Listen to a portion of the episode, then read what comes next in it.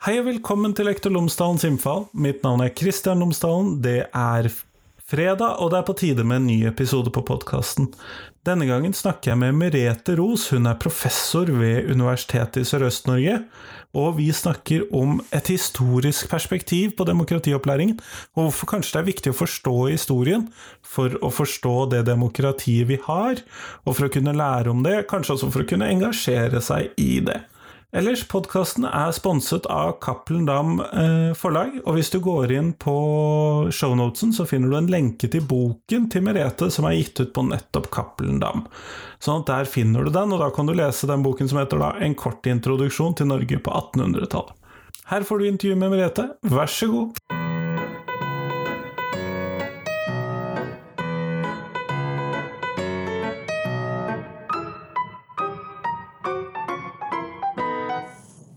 Merete Ros, tusen takk for at du har tatt deg tid til meg i dag. Veldig hyggelig å få komme, Christian. Før vi starter selve intervjuet, så hadde jeg håpet at du kunne fortelle lytterne mine tre ting om deg selv, sånn at de kan få bli litt bedre kjent med deg. Ja. Jeg er professor i historie på Universitetet i Sørøst-Norge. Og nå er jeg også faktisk blitt professor to på Universitetet i Bergen. Ja, det så jeg jo. ja! så da kommer jeg til din hjemby, Christian. Ja, det høres bra ut. Ja.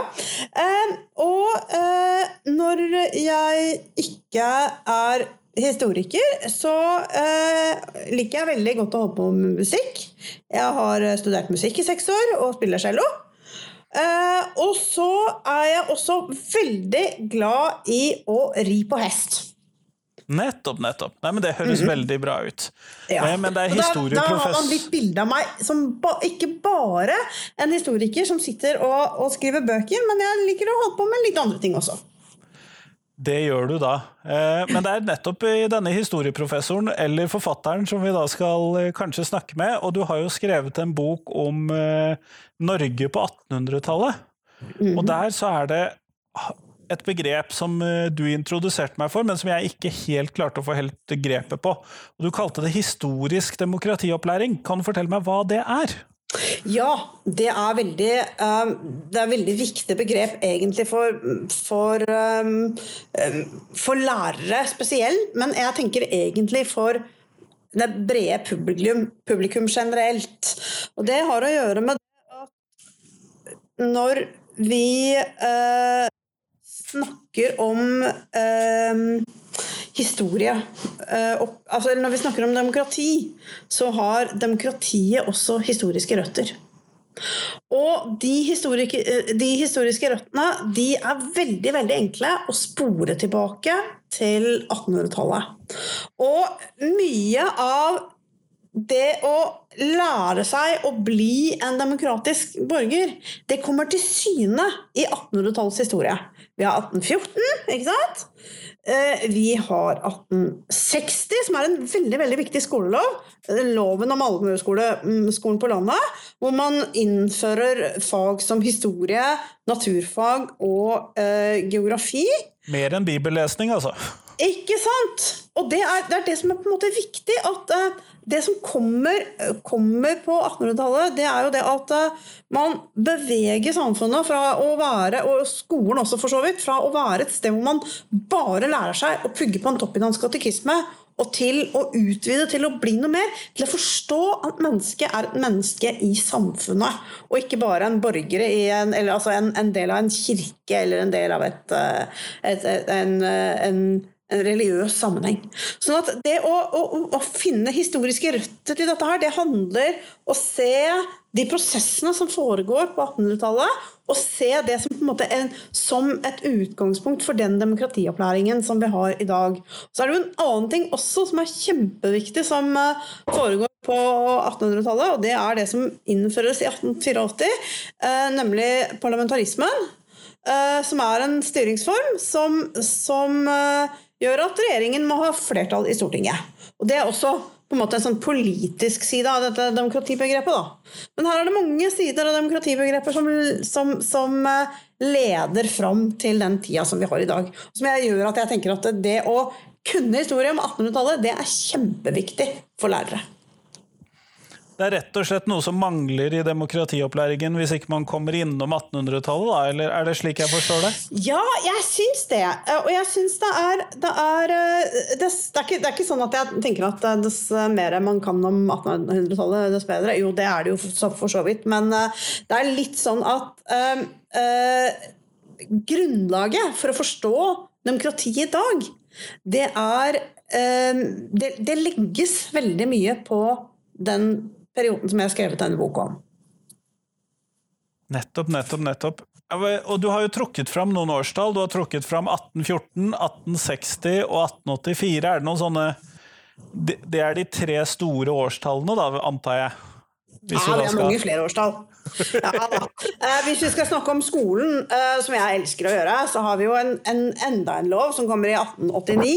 Og i 1889 så skiller kirken og skolen lag. Og da blir eh, Altså inntil 1889 så har skolen blitt styrt av eh, eh, biskopen og av biskopens styre.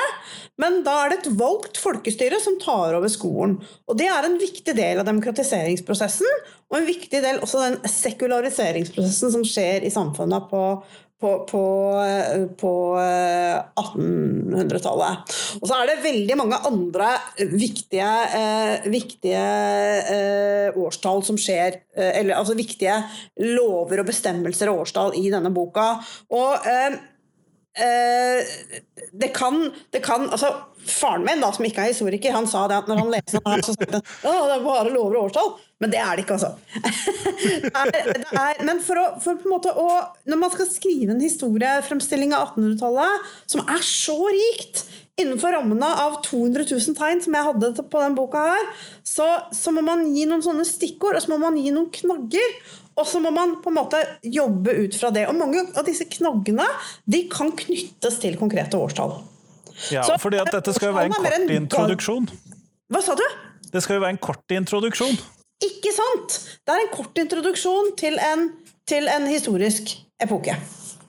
Nettopp, nettopp. Men, og dette er kanskje et dumt spørsmål til en uh, historieprofessor, det skal innrømmes. Men uh, hva tenker du at historien, så, hvis vi da ser på denne historien i denne perioden, at det kan lære oss om hva demokratiet er, da? Det er ikke så dumt spørsmål, det. Uh, jeg tenker at perioden kan lære oss at demokrati er deltakelse. Og at denne deltakelsen etter hvert omfatter flere og flere folk. Fordi at når vi kommer, når vi er her i 1814, så er det ikke så veldig mange som har stemmerett.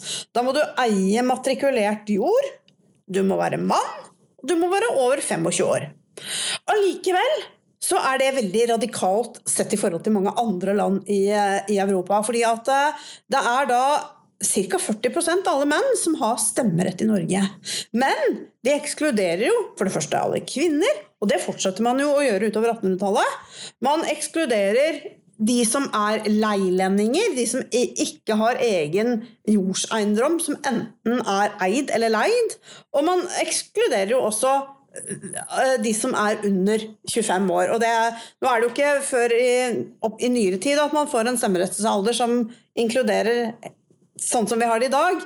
Men det er veldig mange um, altså Det skjer veldig mange ting i løpet av 1800-tallet som bidrar til å inkludere flere og flere av befolkninga. Og noe som er kjempeinteressant, og som jeg skriver om ganske tidlig i denne boka, det er at dette skjer egentlig umiddelbart etter 14, 1814. For da kommer det inn bønder på Stortinget. Og bønder som da er selveiende. Og disse bøndene de kjemper for sine egne, og de vil ha mer makt til bøndene. Og det er en bondeopposisjon på Stortinget etter 1814 som er kjempeinteressant.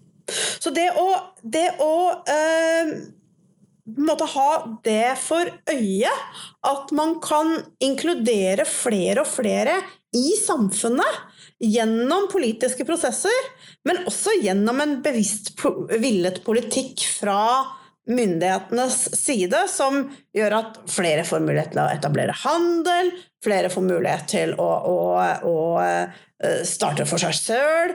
Eh, Altså, kvinnene får noen utvida rettigheter med, med handelsmuligheter osv. Det gjør at 1800-tallet er et veldig godt eksempel på en sånn kontinuerlig demokratiprosess. da. Nettopp, nettopp. Sånn at det, kan ses på da som et bilde over en periode hvor man da gjør mye for å utvide stemmeretten, eller utvide demokratideltakelsen, da kanskje? Utvide demokratideltakelsen, ja. Og, og um, altså dette med stemmerett det kom jo opp flere og flere ganger i løpet av, av år, århundre. Og det, det, endres jo på uh, et par ganger også i løpet av århundret. Men, men den mest demokratiske Styrk, altså den sterkeste demokratiske utviklingen, det er nok den som skjer uformelt. Og den som skjer sånn at Eller den som resulterer i at folk flest føler at de har noe å si. Og ikke eh, Altså, det er dette her med å få kunnskap, dette med å få muligheten til å drive handel, dette med urbanisering, mobilitet osv., som gjør at samfunnet blir demokratisk. Så det er, ikke, det er, ikke, bare disse formelle prosessene som dreier seg om lover og regler og stemmerett og sånne ting. Det er også eh, disse prosessene som åpner opp for deltakelse på et generelt plan. Eh, hva slags type deltakelse er det du tenker på da? Eh, egentlig tenker jeg på eh, eh, muligheten for å ta en, en viktig det, ting. Det er eh, det å ha mulighet til å delta i den offentlige debatt. Fordi at utover på, i århundret så får vi flere og flere aviser. Vi får flere og flere tidsskrifter. Og flere og flere som kan lese, kanskje også? Ikke sant? Man, får, uh, man, blir bedre og bedre til å lese. Nå skal det sies at leseferdighetene i Norge sammenligna med veldig mange andre land, de har vært ganske gode. Uh, I hvert fall i 150 år før det. Det har man ganske god evidens for. Men hva har de lest? Jo, de har lest religiøs litteratur. Og for å bli et Når man begynner å nærme seg 1850-1860, ikke sant? industrielle revolusjon, Eh, eh, første og andre industrialiseringsfase, masse nye kunnskap, masse nye oppfinnelser osv. Så, videre. Så hjelper ikke så, det hjelper ikke stort å bare kunne lese Vivaren. Altså. Du må kunne lese litt andre ting også. Du må kunne lese eh, dette her med, med altså, altså, bare tenk på, tenk på noe sånt som treskemaskiner som kommer for fullt. ikke sant? Du må kunne vite og sette deg inn i hvordan dette her, dette her eh, funker. Og da, da, nytter det ikke å gå til en gammel huspostille. Da må, da må, du, gå til, en, må du gå til maskin, eh, altså bøker som kan fortelle deg om hvordan dette her skjer. Og da etablerer man eh, eh, etter hvert landbruksskole. Man etablerer Det kommer, det kommer eh, stykker om det i tidsskriftene. Det kommer tidsskrifter som er retta spesielt mot landbruket. Det kommer aviser som, som tar opp sånne ting. Sånn at, at her er det et, en åpning av samfunnet som inkluderer flere og flere, og som på en måte tar opp et bredere og bredere spekter av befolkningen. Nettopp, nettopp, nettopp. Eh, men når vi da skal se på dette her, og vi skal lære noe av dette her i dag, hvordan tenker du at dette blir relevant da for mine elever, disse 16-åringene som sitter eh, et par etasjer under oss nå? Hvordan blir dette relevant for dem? Det er et veldig godt uh, spørsmål. Um, jeg tenker at uh, du som lærer, eller alle som er lærere, kan eh, hente veldig mye fra å se på historien som et eksempel. Og um, gjøre dette relevant for de 16-åringene eller 14-åringene eller hva det er, gjennom pedagogiske virkemidler som dere tar med dere ut i klasserommet. skal dere ha 1814 og ikke sant, om, om, om eh, grunnlovsforsamlinga, så ta, ta, med elevene inn i et rollespill og la de leke Christian Magnus Halsen. ikke sant? Sånn at dere har da, sånn at elevene får noen mulighet til å få noen konkrete roller inn i Og noen konkrete ting som, som går inn under, uh, under huden på dem, sånn at de får må... For, altså, jeg tenker at Får de være med på en sånn rekonstruksjon av historien, så skjønner de også hva historien er, og hva historien betyr for dem. Og hvordan det kan være eh, Hvordan måte, historien kan være relevant for dem i dag. Da. Og da kan man jo tenke seg det at eh, det å eh, kanskje også bruke noen pedagogiske triks eller, eller, pedagogiske ressurser som gjør at man skjønner hva det ikke vil si å være inkludert i samfunnet på 1800-tallet kan være også, veldig, en, også en veldig spennende måte å, å, å tilnærme seg historien på for lærere. Det kan jo kanskje også si noe om utenforskap i dag, altså kanskje prøve å dra noen paralleller der? Helt klart. Helt klart. Og det, det, det er um, um, jeg, jeg, tror det historien skildrer på en veldig god måte dette med å falle utenfor. Og dette med å være på sidelinjen. Og på 1800-tallet så er det utrolig mange som er på sidelinjen. Og det som er veldig sterk lesning, det er jo disse amerikabrevene, ikke sant? Og mange av de som reiser over til Amerika, de har på en eller annen måte følt på det utenforskapet hjemme. Enten ved at de har blitt skvisa ut fra uh, sine lokalmiljøer fordi at uh, det har vært en urbanisering som de ikke har klart å henge med på. Eller fordi at de har på en måte følt at uh, nå drar hele familien over, og da må jeg også dra over. Så det der, der å bruke historien for å skildre utenforskap, det er veldig eh, det er veldig, en, en, veldig fin innfallsvinkel, og det er denne boka egentlig ganske full av um, Full av muligheter til og full av innspill til hvordan man kan, hvordan man kan se, da. Nettopp, nettopp. Du trakk jo inn USA nå, og det hadde jeg jo litt lyst til å spørre deg om. fordi at eh, noen ganger så er det veldig lett å ta demokratiet for gitt, og ta, de, eh, ta, for gitt at institusjonene er her, og at ting spretter litt tilbake hvis noen går for langt, osv. Men vi så jo ganske Min demokratiske sans ble i hvert fall ikke svekket av de tingene som vi så i USA nå 6.1. januar. Hva tenker du om eh, dette historiske perspektivet, hvis vi ser litt sånn utenfor landets bredder, eller kanskje opp imot det som skjedde i USA? Nei, jeg tenker jo at, eh, tenker jo at eh, altså, Det som skjedde i USA 6.1 med denne, denne, denne, disse, dette pøbelveldet, det, det, understreker jo hvor viktig demokratiet er. Og, og um, hvor um, skakkjørt også et demokrati kan bli hvis man ikke har um, kunnskap nok og og, og, klokskap nok til å kunne ivareta de demokratiske institusjonene og kunne respektere demokratiet for det demokratiet er. Så uh, jeg tenker at uh, kunnskap om demokrati uh, er, er, virker preventivt i forhold til å sikre seg mot sånne hendelser som det vi så i USA på, på, på um, Eh, for en drøy måned siden, eller 6. 6. januar. Da. Og, det, det, det, og derfor tenker jeg at samfunnsfagsundervisningen i skolen er utrolig viktig, og er utrolig viktig for å forstå demokratiets funksjon. Og det er vel, det er vel også det man ser litt i USA, fordi at man der har et samfunn som er så Hvor det er så store forskjeller på folk.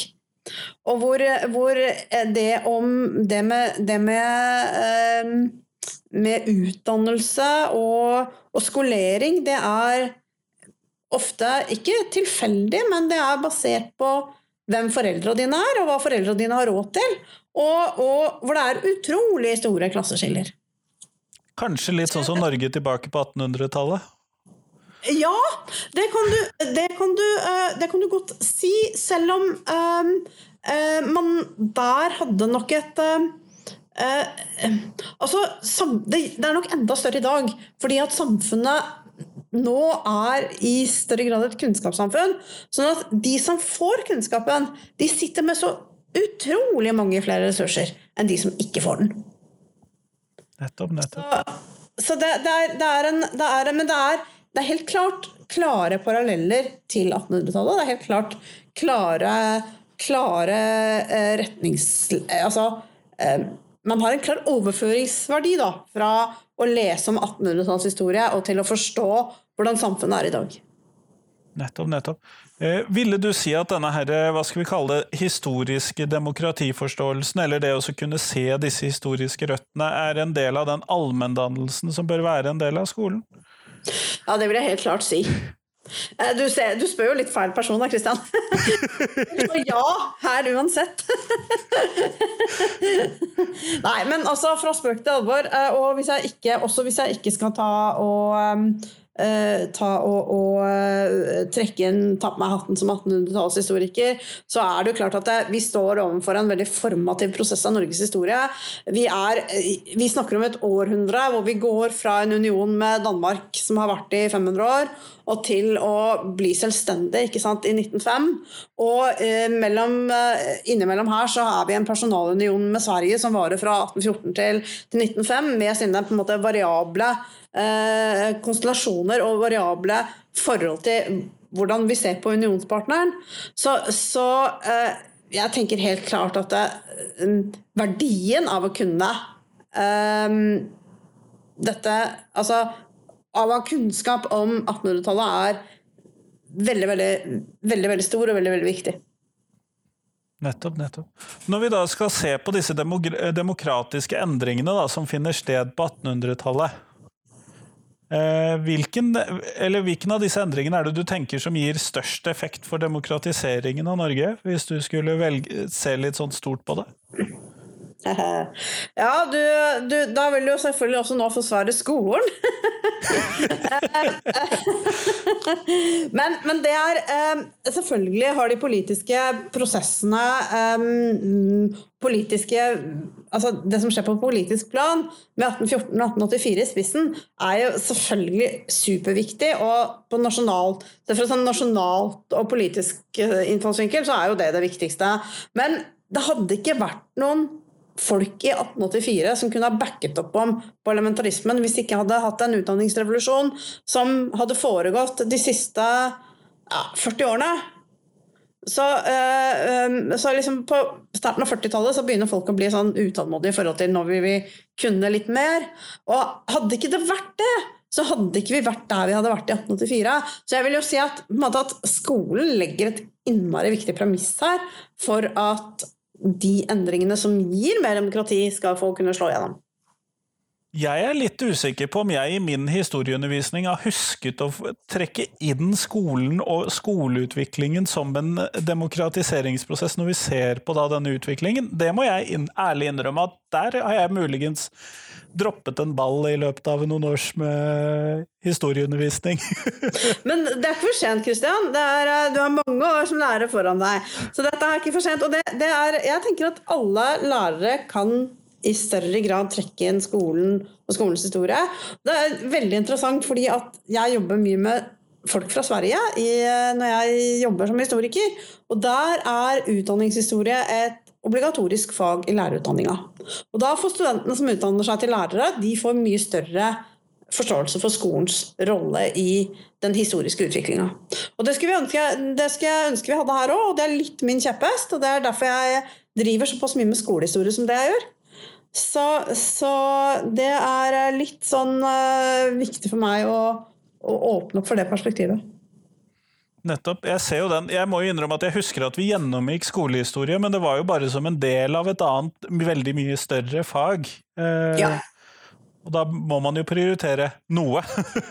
ja. Det har ikke vært en, sånn, det har ikke vært en, en greie i Norge. I, det har vært, på, på universitetene så har det vært eh, noen som har drevet litt sånn på si med det, men ja, det er, det er, noen som har strevet mye med det, men det begynner å bli ganske mange år siden. Det er noen som jobbet ordentlig grundig med store skolehistoriske ting. Men det er litt sånn på tide å få en renessanse for akkurat det feltet. Eh, hvordan tenker du, for sånn som nå den store sånn, hva skal vi kalle det, demokratireformen, hvis man skal se på det sånn, hvis man bare skal se rent på stemmeretten, har jo de siste årene vært uh, dette med 16 års aldersgrense til uh, stemme ved valg.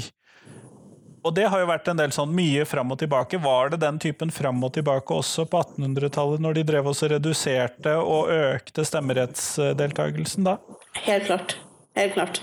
Og dette her med stemmerett for kvinner, som ble innført i, i, um, i 1913, uh, det er jo et forslag som skriver seg tilbake fra ja, rundt 1884-1885 har du jo disse, disse kvinnesakskvinnene som begynner å diskutere stemmerett for kvinner. Og du har det jo som på en måte fra De tar det fra suffragettene i England. Og du har, det, du har også diskusjon om, om menns stemmerett. Og så har du en innmari spennende diskusjon om stemmerett eh, som foregår i 1850, 51, 52. Og det er med utgangspunkt i Markus Trane. Og fordi Markus Trane han skriver en petisjon, et lite skrift, bønneskrift, til kongen i 1850. Og så sier han at alle menn i Norge må få stemmerett. Eh, og eh, det er rett og slett fordi at stemmerett gir dem muligheten til å delta politisk. Og så kommer hele intelligensiaen med Hartvig Nissen, som jeg har jobba mye med, Ole Vik og alle disse som er på en måte um, litt mer eh, altså De som representerer litt sånn mer sånn Det er establishment, da. De sier at, at det her det er bare tull. For ingen kan få stemmerett før de er blitt til et danna og utdanna menneske. Og det, det, er litt, eh, det, er litt, interessant, fordi da er det to måte, syn på stemmeretten som står overfor hverandre. Det er det som Markus Strane representerer, som er stemmeretten må innføres nå. Og så er det det som uh, Ole Vik, Hartvig Nissen osv. representerer, som sier at uh, nei, vi kan ikke vi kan, ikke, uh, vi kan ikke innføre stemmeretten nå, men vi må innføre utdannelse nå, sånn at folk blir myndiggjort i forhold til det å skulle stemme. Jeg må jo innrømme at jeg har hørt de argumentene nå til dags også, for det hender jo av og til at noen politikere, eller særlig ungdomspolitikere, eh, eller de som er motstandere av 16 års stemmerett, kommer med argumentet om at man må, være, man må, ha kunnskapen før man kan få stemme.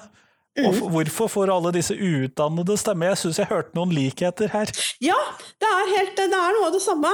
Det er noe av det samme. Disse, disse um, som argumenterer for stemmerett på på 18, altså for at stemmeretten først kan innføres når du har oppnådd et visst kunnskapsnivå. De henter mye inspirasjon fra den danske teologen eh, Grundtvig. Og som mener at mennesket på en måte må komme til seg selv som et menneske. Bli moden, bli klok, bli vis.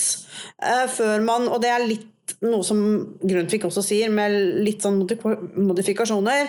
Men de er veldig veldig fascinert av han, disse, disse, dette etablissementet da, rundt 1850.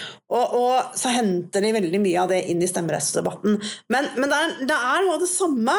Eh, selv om det er litt sånn annerledes historiske forutsetninger for det, så er det noe av det samme som gjør at um, i På 1800-tallet så så er det da denne veldig, veldig klare kampen mellom ja og nei til stemmerett, og som, som da Hvor da etablissementet er redd for, også er redd for opprør. ikke sant? De er redd for at Markus Trane og disse pøblene skal komme og ta over hele, hele, hele, hele, um, landet, og for at det skal bli revolusjon. Dette er jo rett etter 1848, ikke sant? Med svær, svær eh, revolusjonen i Europa. Og, så er de redd for at dette her skal skje i Norge også. Og kanskje er det noe av den samme frykten man kjenner på nå. At hvis man er redd for, å, for eh, stemmerett til, eh, til 16-åringer, eh, så er man redd for at folk som er for umodne eller rabulister eller whatever, skal få for mye politisk makt. Det er jo interessant at argumentasjonen går igjen, da. Ja ja. Men historien gjentar seg, vet du. Den gjør jo sånn det. det Historien gjentar seg. Eh, vi går mot eh, slutten av dette podkastintervjuet, og så vil jeg jo da selvfølgelig nevne det at eh, lenka til boken din havner i shownotesen til episoden, sånn at folk finner den der hvis de har Veldig lyst til å finne den. Men det spørsmålet som jeg stiller til alle de jeg intervjuer, det er spørsmålet om hva er de tre viktigste tingene som skolen lærer elevene? Og hva er det du tenker ut ifra dine perspektiver at det er det? Jeg vil si, for det første, eh, å delta i et demokrati. Og jeg vil også si det å være eh, selvstendige. Selvstendige individer. Og det å vise toleranse overfor alle, uansett hvem de er, eller hva de driver med, eller hva de tror eller vet eller mener, så er det sånne kjerneverdier i det som skolen har med seg. Og kunnskapen den får man inn enten på den ene eller den andre måten. Men disse verdiene her, de, de går på en måte dypere da, enn det som denne rent faktakunnskapen tilsier. Nettopp, nettopp. Kjempeflott. Tusen takk for at du tok deg tid til meg i dag, Merete. Veldig hyggelig, Kristian. Hyggelig å få komme.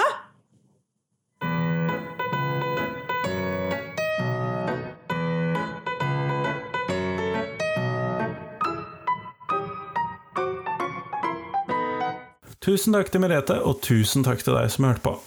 Nå er det fram til mandag så kommer det en vanlig episode, men allerede i morgen så kommer det en ekstraepisode om fullføringsreformen. Så det håper jeg at du gleder deg til, begge deler.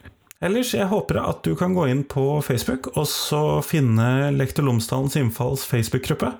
Det tror jeg du vil sette pris på og vil synes at det er gøy å følge med på. Jeg håper å kunne starte en del debatter der, gjerne litt mer prinsipielle, men også så brukes det for å snakke om eh, tips og triks og sånn til podkasten, og hvem jeg kanskje bør snakke med. Det er i hvert fall det jeg håper at det skal være. Men du får ha en god dag videre, og en god helg. Hei, hei.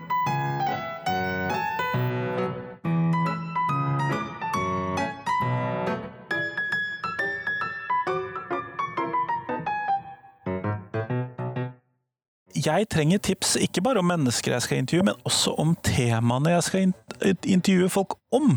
Så send meg gjerne tips til et tema, da trenger du ikke nødvendigvis ha tenkt ut hvem jeg bør intervjue.